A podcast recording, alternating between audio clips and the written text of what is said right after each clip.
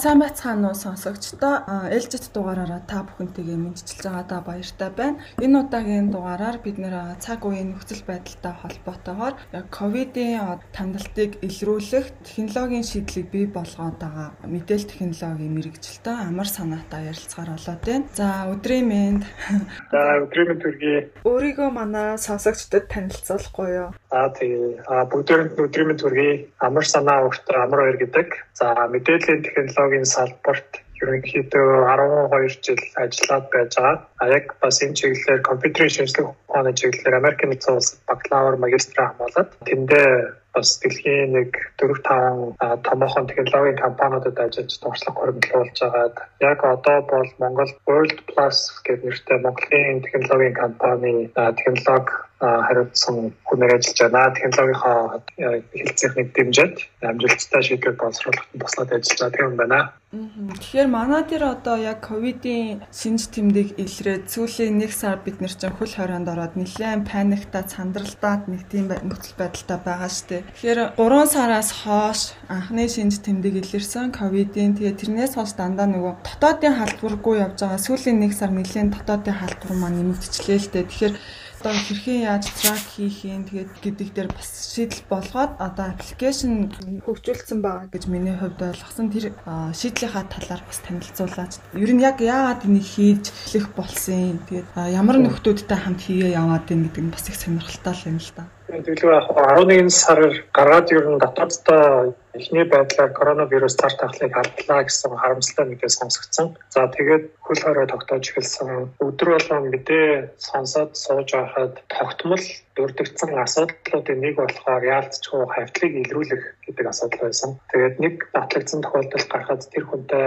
ойрын хавтал, дам хавтал гэх мэтчлэн хүмүүсийг илрүүлэхэд асар их одоо хүн хүч, цаг хугацаа зарж байна гэсэн мэдээлэлүүд агуулх гардаг байсан л та. Тэгээд тэрэнд нь зэрэг цагдаа, тагнуулын газар, онцгой комиссарч гэсэн хүмүүс ажиллагдаад ажилдаг. Ярилцлага авч хүмүүсээс асуудаг, зарим хүмүүс хавцсан хүмүүсээс санаа санахгүй байна. Эсвэл бүр зориудаар нуух гэдэг ч юм уу санаа зовоод бичиж санаа зовоод нуух гэдэг аюул олон асуудлууд гарсан. Тэгээ энэ нь том зургаараа болохоор нийт яг Монгол улсын засгийн газраас авч хэрэгжүүлж байгаа корона одоо 19 цар тахлын тийм ухамсартай тэр авч хэрэгжүүлж байгаа арга хэмжээнд нь цаг хугацаанд нь нөлөөлөд байсан эсрэгээр одоо нэг 2 хоногийн дараа нэг хавтгыг болж илрүүлээ гэхэд тэр хүн тэр 48 цаг дотор хаана яваад бас яатсан ч байсан бэлээ гэдэг ч юм уу та. Тэгмэд наагаараа босод хүмүүс нь одоо нийт улс орондоо яригсан шүү дээ. Илүү хөл хорооны хугацаа сонгогддог. Тэгээ ингээд за хурдан халаад илүүлжээсээ ингээсээ гэж найдаад байдаг. Тийм яг цикл рүү орсон. За тэгээд энэ болохоор дэлхийд дахин ерөөсөө цаашин зүйл биш. Бусад орнууд аль хэдийн энийг энэ орны ихээр дагаад туулчихсан. За өнөөдөр ч гэсэн одоо ингээд давж туулаад явж байгаа. За хавтлыг илрүүлэх арга барилт нь бол технологийн харилцаа шийдэл бас байж болдгиймаа гэдэг олон орнууд харуулчихсан байсан. Технологийн салбарын хувийн болохоор яг энэ чиглэлд нь тусалж болно шүү дээ. Тухайн үед яг технологийн шийдлүүд бас ягдаж эхлэхгүй байсан л да. Дөнгөж яг дотроо алдчихлаа гүйл хорой гэл эхний нэг 2 3 хоногт нэг мэдээ гараад явж байгаа. Тэгээд ерөн технологийн шийдэл бол газ ингэ чинь чаддаг хүмүүс нь бол хийгээ гаргаж штэ. Манайхан мэдээж одоо ингээд дэмжлэгээ одоо дэмэлцүү шинж тэмдэг хөл хорой гэдээ анхаарал байж технологийн хүмүүс бид нар яагаад хувь нэмрээ оруулж болдгоо юм бэ? Энэ бол зөвхөн засгийн газраар ч юм уу төрөө ингээд шүүмжлээд суугаад байх биш. Бидний амьдралд нэгэнтээ нөлөөлж байгаа тийм нөхцөл байдал нэгэнтээ үүссэн юм чинь бид нар өөрсдөө яагаад шийдэл санаачлаг гаргаж ирээд нэмрээ оруулж болдгоо юм бэ гэсэн үгнээс судалгаа хийж эхэлсэн. Тэгээд үр дүнтэй байсан зүйл нь юу гэхээр түрүүн дурдсан шиг бусад орнууд аль хэдийн дагаад болцсон байсан болохоор технологийн шийдлүүд боловсруул зан зан зан аппликейшн системүүд хөгжүүлсэн. Тэр шийдлүүдээ бусад орнууд хэрэгцээтэй бол авч ашиглаарай. Тэгээд бусад орнууд энийг сайжруулах юм бол буцаад энэ шийдлээ улам сайжруулахаар яагаад гэвэл энэ ганц нэг орны зүйл биш. Дэлхийд даяараа тулгарч байгаа гэдэг. Тэгэхээр одоо энэ open source буюу нээлттэй эхийн төслүүд гэдэг аль хэдийн гаргаад тавьчихсан. Одоо юу гэдэг Канадын засгийн газар, Ирландын засгийн газар,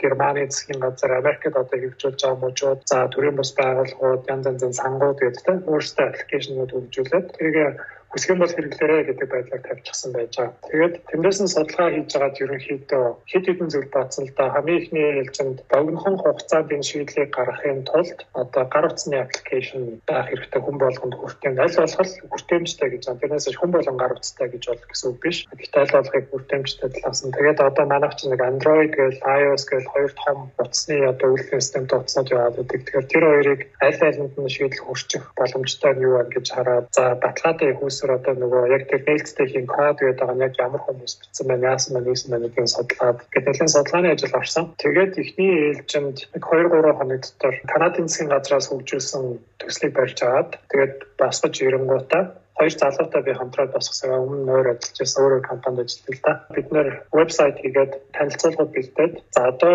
эхний юм хийсэн чинь салбарыг нэгэ тэр чигээр нураалаа. Технологийн салбарыг нэгэ тэр чигээр нураалаа гэдэг видео хийгээд хагаад тавьсан Facebook дээр Тэгээ тэрийг үзээд бол аягүй сайн хяналт авсан. 24 цагийн дотор 30 гаруй хүмүүс бичээд танаа төсөл бол яг хэрэгтэй байд нэгжээ юм хийдэг ингэдэг гэдэг гээд. Тэгээд 30 гаруй хүмүүс нэгдээ тэрнээс нэг 16 7 нь яг өдөр болгон суугаад идэвхтэй оролцоод одоо өнөөдрийн байдлаар бол ингээд системүүд нь бэлэн болсон зөвшөөрлөө хүлээгээд байж байгаа. Тийм байна. За ерөнхийдөө бол яг тавчгандаа хэлгээд амраагийн мэрэгжил нэхнүүдтэйгээ хамтраад хийж байгаа аппликейшн маань болохоор яг ковид 19 шинжилгээгээр одоо эрэг гарсан батлагдсан тохиолдолд тухайн өвчтөнтэй одоо ойрхон байсан хавцсан хүмүүст нь тухайн одоо мэдэгдэл нь ингэж ирдэг тийм гар утасны аппликейшн гэж ойлгоод байгаа. Тэгэхээр яг хавталт тогтоож мэдэгдэх яг энэ цогц систем маань ямар ямар хэсгүүдээс бүрдэж байгаа вэ? Одоо жишээ нь би ингээд гар утсандаа ингээд суулгаад ингээд ашиглаад явъя гэх юм бол ямар хэсгүүдээс бүрдэх вэ?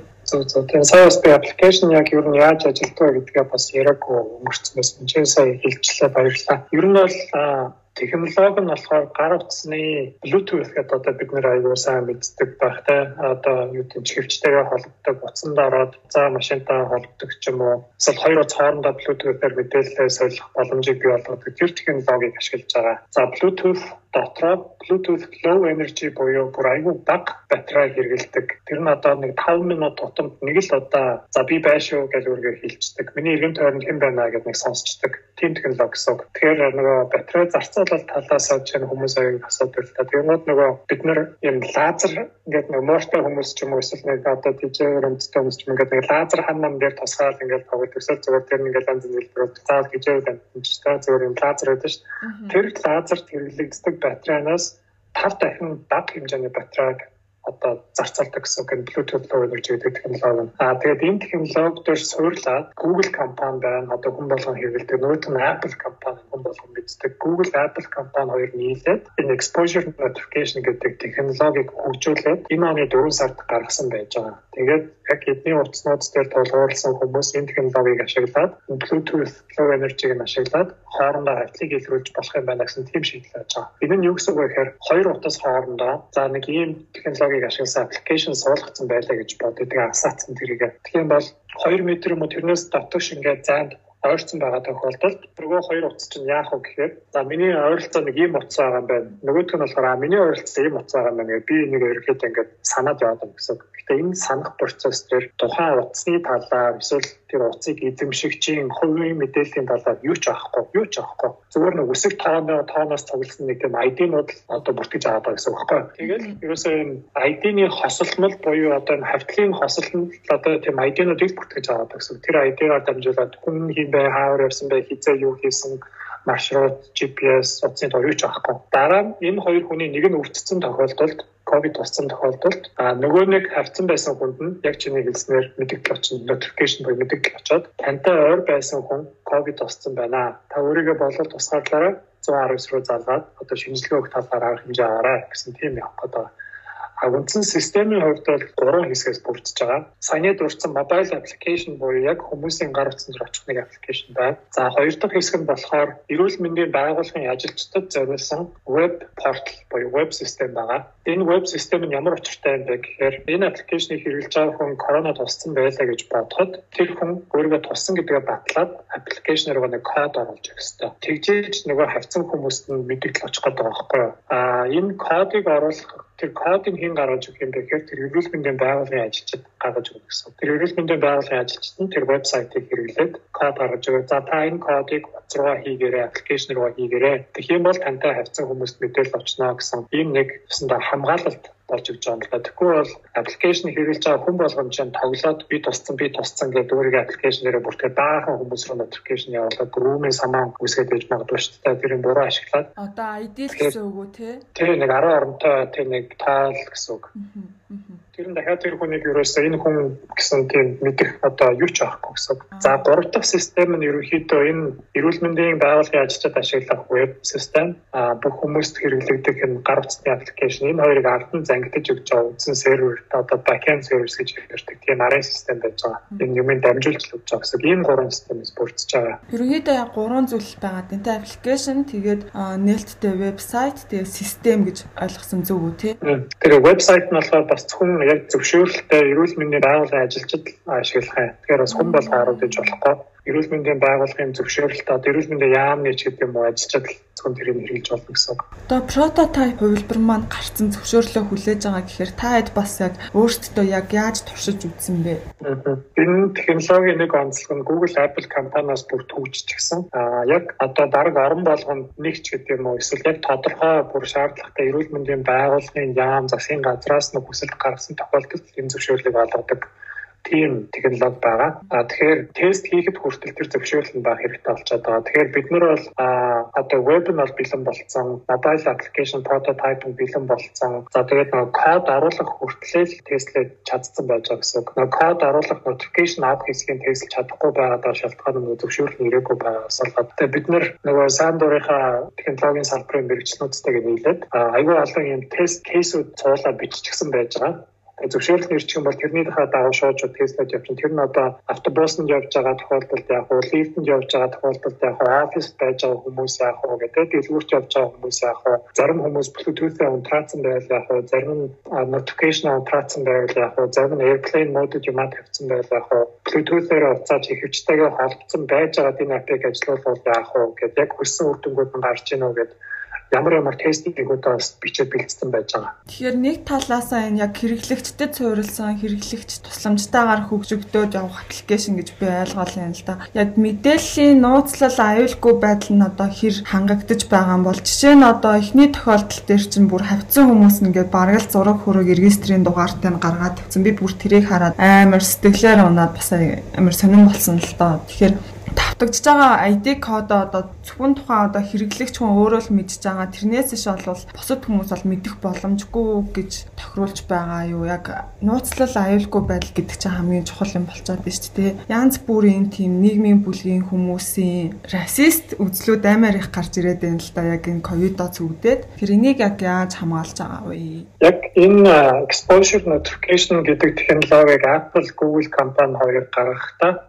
хувийн мэдээллийн нууцлал, мэдээллийн аюулгүй байдал гэдэг хоёр зүйлийг бол номер 1-т тавьж бодож байгаад энэ технологиг хөгжүүлсэн бүцэхэн бүртгэсэн байж байгаа. А энэ дээр тулгуурлаад хийгдсэн аппликейшнуудыг яг App Store, Google Play дээр гаргахад бас энэ компаниуд өөрсдөө одоо аппликейшнийг шалгаад хувийн мэдээлэлд халдж гинэ үгүй гэдэг нь бас одоо шалгаж байгаа гэсэн үг. А тэгэхээр ер нь технологи тэгээд шалгах талдаа болохоор хамгийн ихний тийм шалгуур бол айгүй өндөртэй А хоёр дахь нь болохоор ерөөсөө хувь хүний мэдээллийг юу ч авахгүй байхгүй энэ аппликейшн. Тэр нэг ID гэдэг юм аа. Тэр ID нь болохоор 15 минут тутамд солигдчихэдэг. Хүний утсан дээр байгаа ID. Тэгэхээр одоо 15 минут хоёрын утасныг ID-тэй байлаа гэхэд 15 минутын дараа тэр хоёрын шал өөр ID нь болчихно. Дахиад 15 минут болгоо шал өөр болчихно. Тэгээд 24 цаг тутамд энэ жижиг жижиг солигдоод байгаа ID-нуудыг үндсэн одоо одоо суур одоо тийм ID дата гэх юм уу тэр нь өөрөө дахиад 24 цаг дотор солигдчихдаг. Тэгэхээр нэг юм нэг том араа өөрөө эргээд ингээд солигдоод хүн тааж болохгүй байж байгаа 24 цаг тутамд тэр дотор нь 15 15 минутаар ингээд нөгөө жижиг ID-нууд нь солигдоод байдаг. Тэгэхээр хүн одоо ингээд нэг ID-ны жагсаалт авсан байсан ч гэсэн ямар ч одоо зөв тогтол гаргалгаа гаргаж болох боломжгүй тэр талаас нь шийдээд өгсөн байж байгаа аппликейшн өөрөө бол нэр нас одоо регистрийн дугаар, өргөний үнэмлэх төрсэн ансаар зураг одоо утасны дугаар, хаагаар ирсэн GPS байршил өнөдөр юу ч авахгүй. Тэгэхээр мэдээллийн аюулгүй байдал одоо хувийн мэдээллийн нууцлал талаас нь энэ бол аюул зөв шийдэл болчихж байгаа юм л да. Аа тэгээд бид нэр энийг нөгөө нээлттэй ихийн төсөл гэж авч явж байгаа шалтгаан нь болохоор одоо яг энэ подкастыг сонсоод сууж байгаа бүх хүмүүс за Монгол улсын бүх иргэд дэлхийн бүх хүмүүс бидний хийж байгаа төслийг ороод ухаад төвөгчөөд бид нар мэдээлэл хаана хадгалж чинь ямар ямар мэдээлэл авч чинь энэ яг яагаад байна гэдэг бүх юм мэдээлэлтэй танилцаж болно гэсэн одоо системийг. За тэгээ бид нар болохоор одоо Монголын энэ технологийн хамгийн том Facebook групп гэдэг веб хөгжүүлэгчдийн группууд 24 5 нэмэг гişүүдтэй. Тэд нар дээр ч гэсэн тавиад та нар маань ч гэсэн ороод бас ингээд зад шүүмжлээд өгөөч те гэдэг өгөөч гэдэг нээлттэй бас юм одоо тавьж байгаа. Тэгэхээр нөгөө нээлттэй ил тод байдал гэдэг нь өөрөө ихтгэлцэл төрүүлэх бас үндэслэл юм а гэж бид нар хараад байгаа. Орон зайн байршлын мэдээлэл түрүүн байхгүй байгаа гэд ярьж байсан шүү дээ GPS эднэргээд. Тэгэхээр магадгүй одоо би гар утсандаа аппликейшнээ ингээд суулгачлаа. Гэтэ яг хаагур хаагур яаж явсныг нь бас мэдмээр байгаа тохиолдолд team track-гийн хэсэг орж ирж байгаа юу? Одоо миний уулзсан нэг хүн одоо өвдчлөө гэж бодоход тэр хүн тэгвэл хаагур хаагур яаж яаж явсан бэ гэдгийг нь би ингээ хараад бас өөрийнхөө нөгөө явсан замыг бас нэг ингээ харьцуулж харах гээд байгаа шүү дээ. Тиймэрхүү дүү хэсэг орж ирж байгаа болов?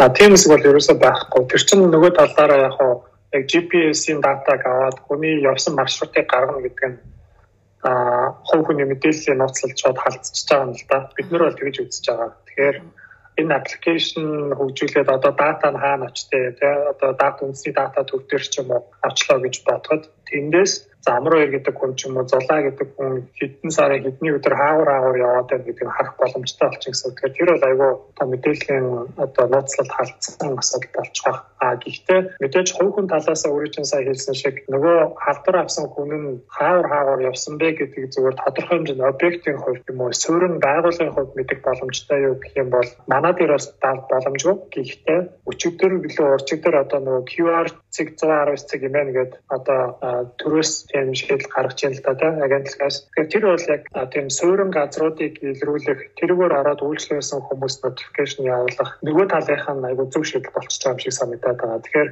суурин газруудын тэр QR кодоо ашиглаж notification явуулдаг. А mobile буюу хөдөлгөөнт орчинд байгаа шийдэл нь болохоор одоо бидний хөгжүүлж байгаа систем ингээд хэрэглэгдэж явж байгаа бол энэ хоёр нь хоёр талаасаа бие нэгээ түшээд юу нэлээ их юу хамарч ашигтай бас үр дүн гаргах болоо гэсэн тийм таамаглалтай байна. Энд дээр бас нөгөө аппликейшн дээр зөвшөөрөл хэрэгтэй гэсэн чинь эрүүл мэндийн яамны холбогдох хүмүүсийн тэр зөвшөөрлөө авсан байгаа. Яг энэ төсөл бид нэр эхлүүлээд явж байхад бол зөвшөөрөл яаж авахч бас сайн мэдэхгүй эхлээд гэхдээ зөвшөөрөл хүсгээс өмнө өөрсдөө юм хийж харуулъя гэсэн байдлаар хэлсэн. А тэгээ явж байхдаа нөгөө видео хийсэн гэдгсэн шүү Тэгсэн тэр видеог үзээд нийслэлээс холбогдсон хэд хэдэн газруудаас холбогдож асуусан. Тэгээд эндээс и баримтаас бас холбогдоод и баримт бас яг иймэрхүү төрлийн аппликейшн систем хийх гээд эхлүүлж ирсэн юм аа. Бидний нөгөө хаалгуулаа сайн дураараа хийж байгаа юм бол төрүүлээд нэлээд урагштай явцсан байна. Тэгэхээр и баримт манахтай хамтрая гэд. Одоо манах ч юм уу тэднийх гэсэн юм бол хэрэглээс илүү бид нар бүгдээрээ л улс орноор ингээд нэг асуудал тулгарч байгаа болохоор тэгээ бүгдээрээ хамтрая гэсэн тийм санал гаргасан. Тэгээд и баримтын зүгээс одоо тэр чинь гайл татврын мэдээллийн технологи хэлцэж явж байгаа болоо тэ тэднийхээс 3 хүн бүтэн цагаар гаргаж өгöd бас энэ төсөл рүү оролцуулсан байж байгаа. Аа и баримт болохоор эрүүл мэндийн яам руу хандаад тэр зөвшөөрөл авах процессыг эхлүүлчихсэн байсан байж таарсан. Тэгээ нэгэнтээ бид нэр хамтарч ажиллах нь тодорхой болчингууд тэр зөвшөөрлийг ий баримтаас явуулсан зөвшөөрлөөр авчиж болох юм байна цаг хэмнээ тэгээд тэгээ байж байгаа. Тэгэхээр Монгол талаасаа ий баримт эрүүл мэндийн яам хоёроос бол окей гээд цаашаа Google Apple руу хүсэлтээ явуулчихсан. Одоо тэмдэглэл хүлээгээд байж байна.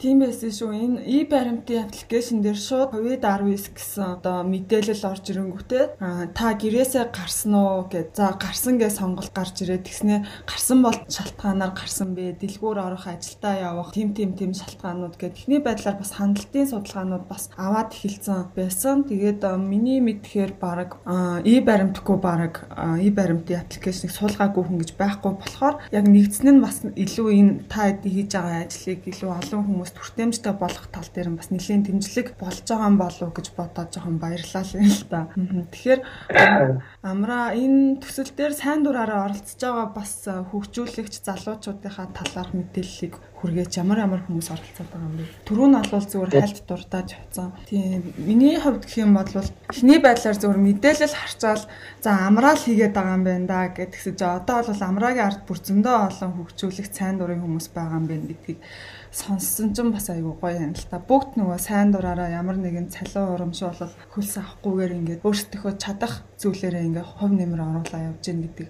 харахаар бас гоё л юм л да. Миний хувьд ч гэсэн бас энэ подкастыг илүү хийгээд бас олон хүмүүст хүрэх гээд бас хувь нэмрээ за ингэж л оруулах боломжтой байна гэдэг чамлаа бичээд байсан байхгүй юу. Аа.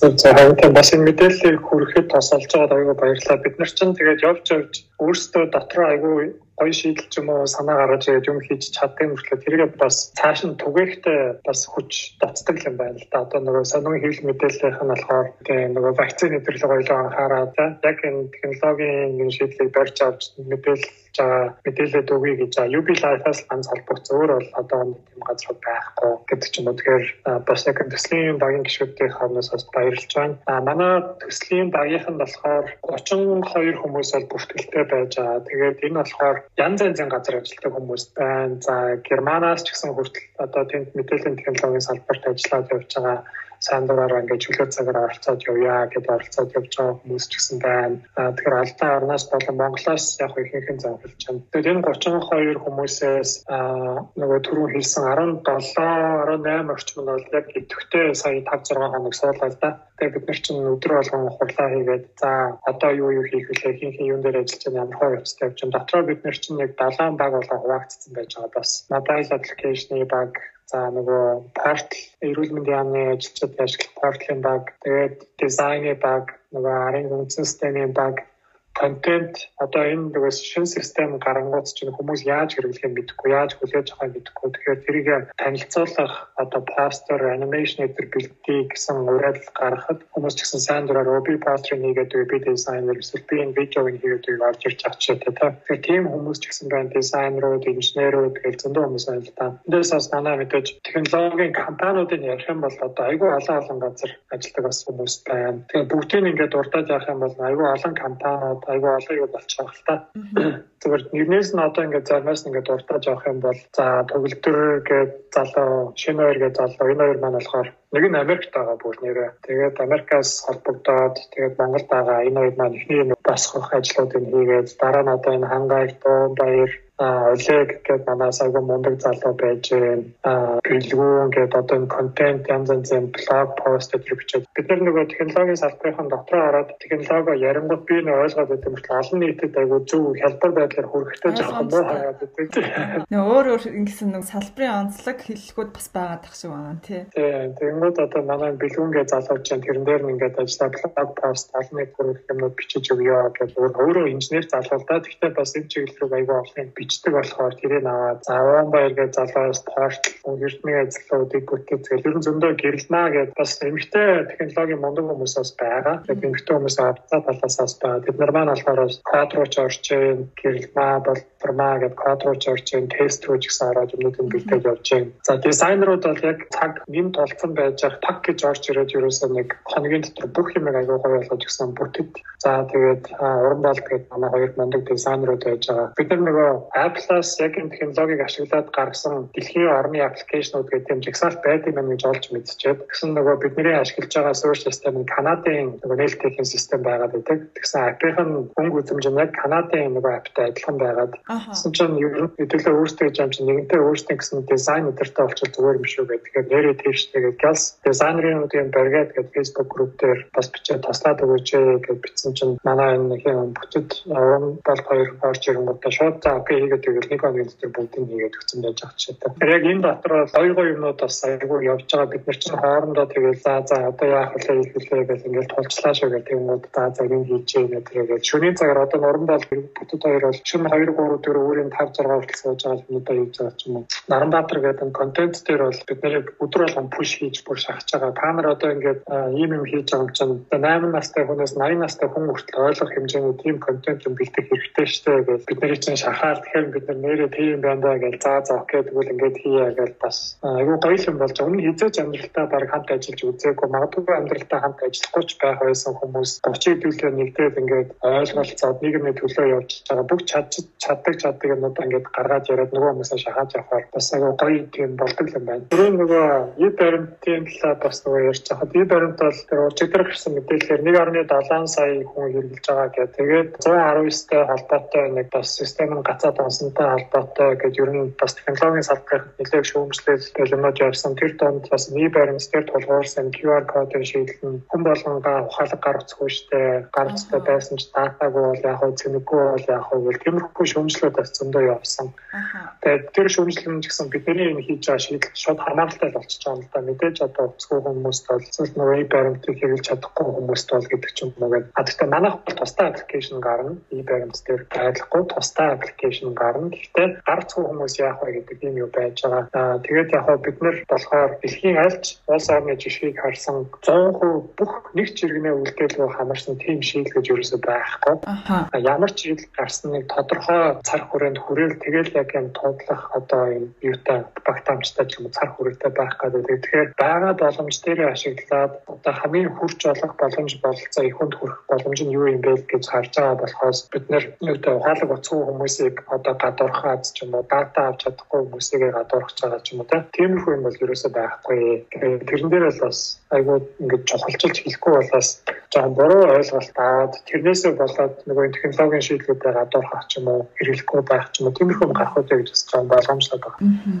Тэгэхээр за ямар ч хэлээсэн нэлээд олон хүнтэй баг аппликейшн одоо бий болох процессыг гүйцэтгэж явж байгаа юм байна. Сүүлд би чиний постыг харлаа л да энэ нөгөө Linux Foundation гэ public health group гэ байна л да. Энд дээр яг энэ чиний хийж байгаа одоо хөгжүүлэлттэй холбоотой хөгжүүлэгч хүмүүсийн нэгдсэн групп гэж ойлгоод байсан. Энтэй холбоотой мэдээлэл хуваалцаач. Догийн байдлаар ер нь яг энэ ковидтай холбоотой хичнээн хэмжээний одоо гар утасны аппликейшн гэдэг ч юм уу шин төрлийн бүтээгдэхүүн гараад ирсэн байна. Энд чинь одоо энгийн амьдралын хэм маягтай байж байгаа гинт бид нэр ковидын одоо яг цаг үедээ тасан цогцоод амьдралын хэм маягаа уйлдуулаад амьдрахаас өөр аргагүй байдалсан байгаа. Яг трак илрүүлэхээс гадна ямар ямар одоо шин шин технологийн шийдлүүдийг бас гаргаж ирж байгаа юм бол бусад газрын хүмүүс энэ талаарх мэдээлэл байвал хуваалцаач.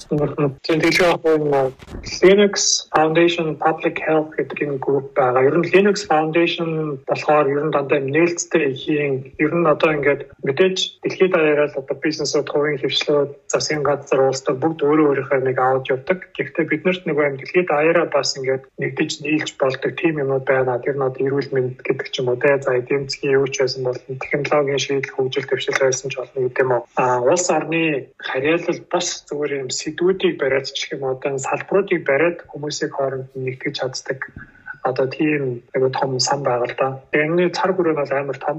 Одоо зүгээр яг миний энэ орцсон байж байгаа Linux Foundation Public Health буюу одоо олон нийтийн эрүүл мэнд гэсэн энэ групп руу нэгдээд орсон байж. Энэ гэхдээ нээлттэй групп. Манайхаас хэн ч гэсэн ороод хүмүүс юу ярьж байна хүссэн асуултаа асуугаад тодруулаад явж болно. Би ч гэсэн нэг мэддэггүй байж байгаа 7 хоногийн өмнө нэг аппликейшн дээр товаргоор хийж өгөх хэрэгтэй байгаа. Энэ 15 минут хавцсан байж хавтал гэж үзэх юм уу 10 минут байвал хавтал гэж үзэх юм уу ер нь 7 минут хэрэгтэй юм 5 минут гэдэг одоо хэд хэд юм те тэр тоог одоо судлах явцдаа ийм групп байдаг маань гэж олж мэдээд орсон байж байгаа. Тэгээд энд болохоор яг Apple-аас жишээлбэл яг энэ exposure notification гэдэг технологийн гаргаж ирэх процесс нь одоо удирдах явж байсан хүн байж байгаа жишээтэй. За юу гэдэг Италийн технологи инновац дижитал төслийн одоо яамны яг нөгөө технологийн одоо захирал нь байж ах жишээтэй тий. За тэгэл юу гэдэг Google компаниас Америкийн янз янзын мужууд засгийн газрын төлөөлөгч яг энэ одоо ковидтай холбоотой технологийн шийдлийг хөгжүүлж байгаа хүмүүсийн төлөөлөл байна. Янз янзын төрийн бус байгууллага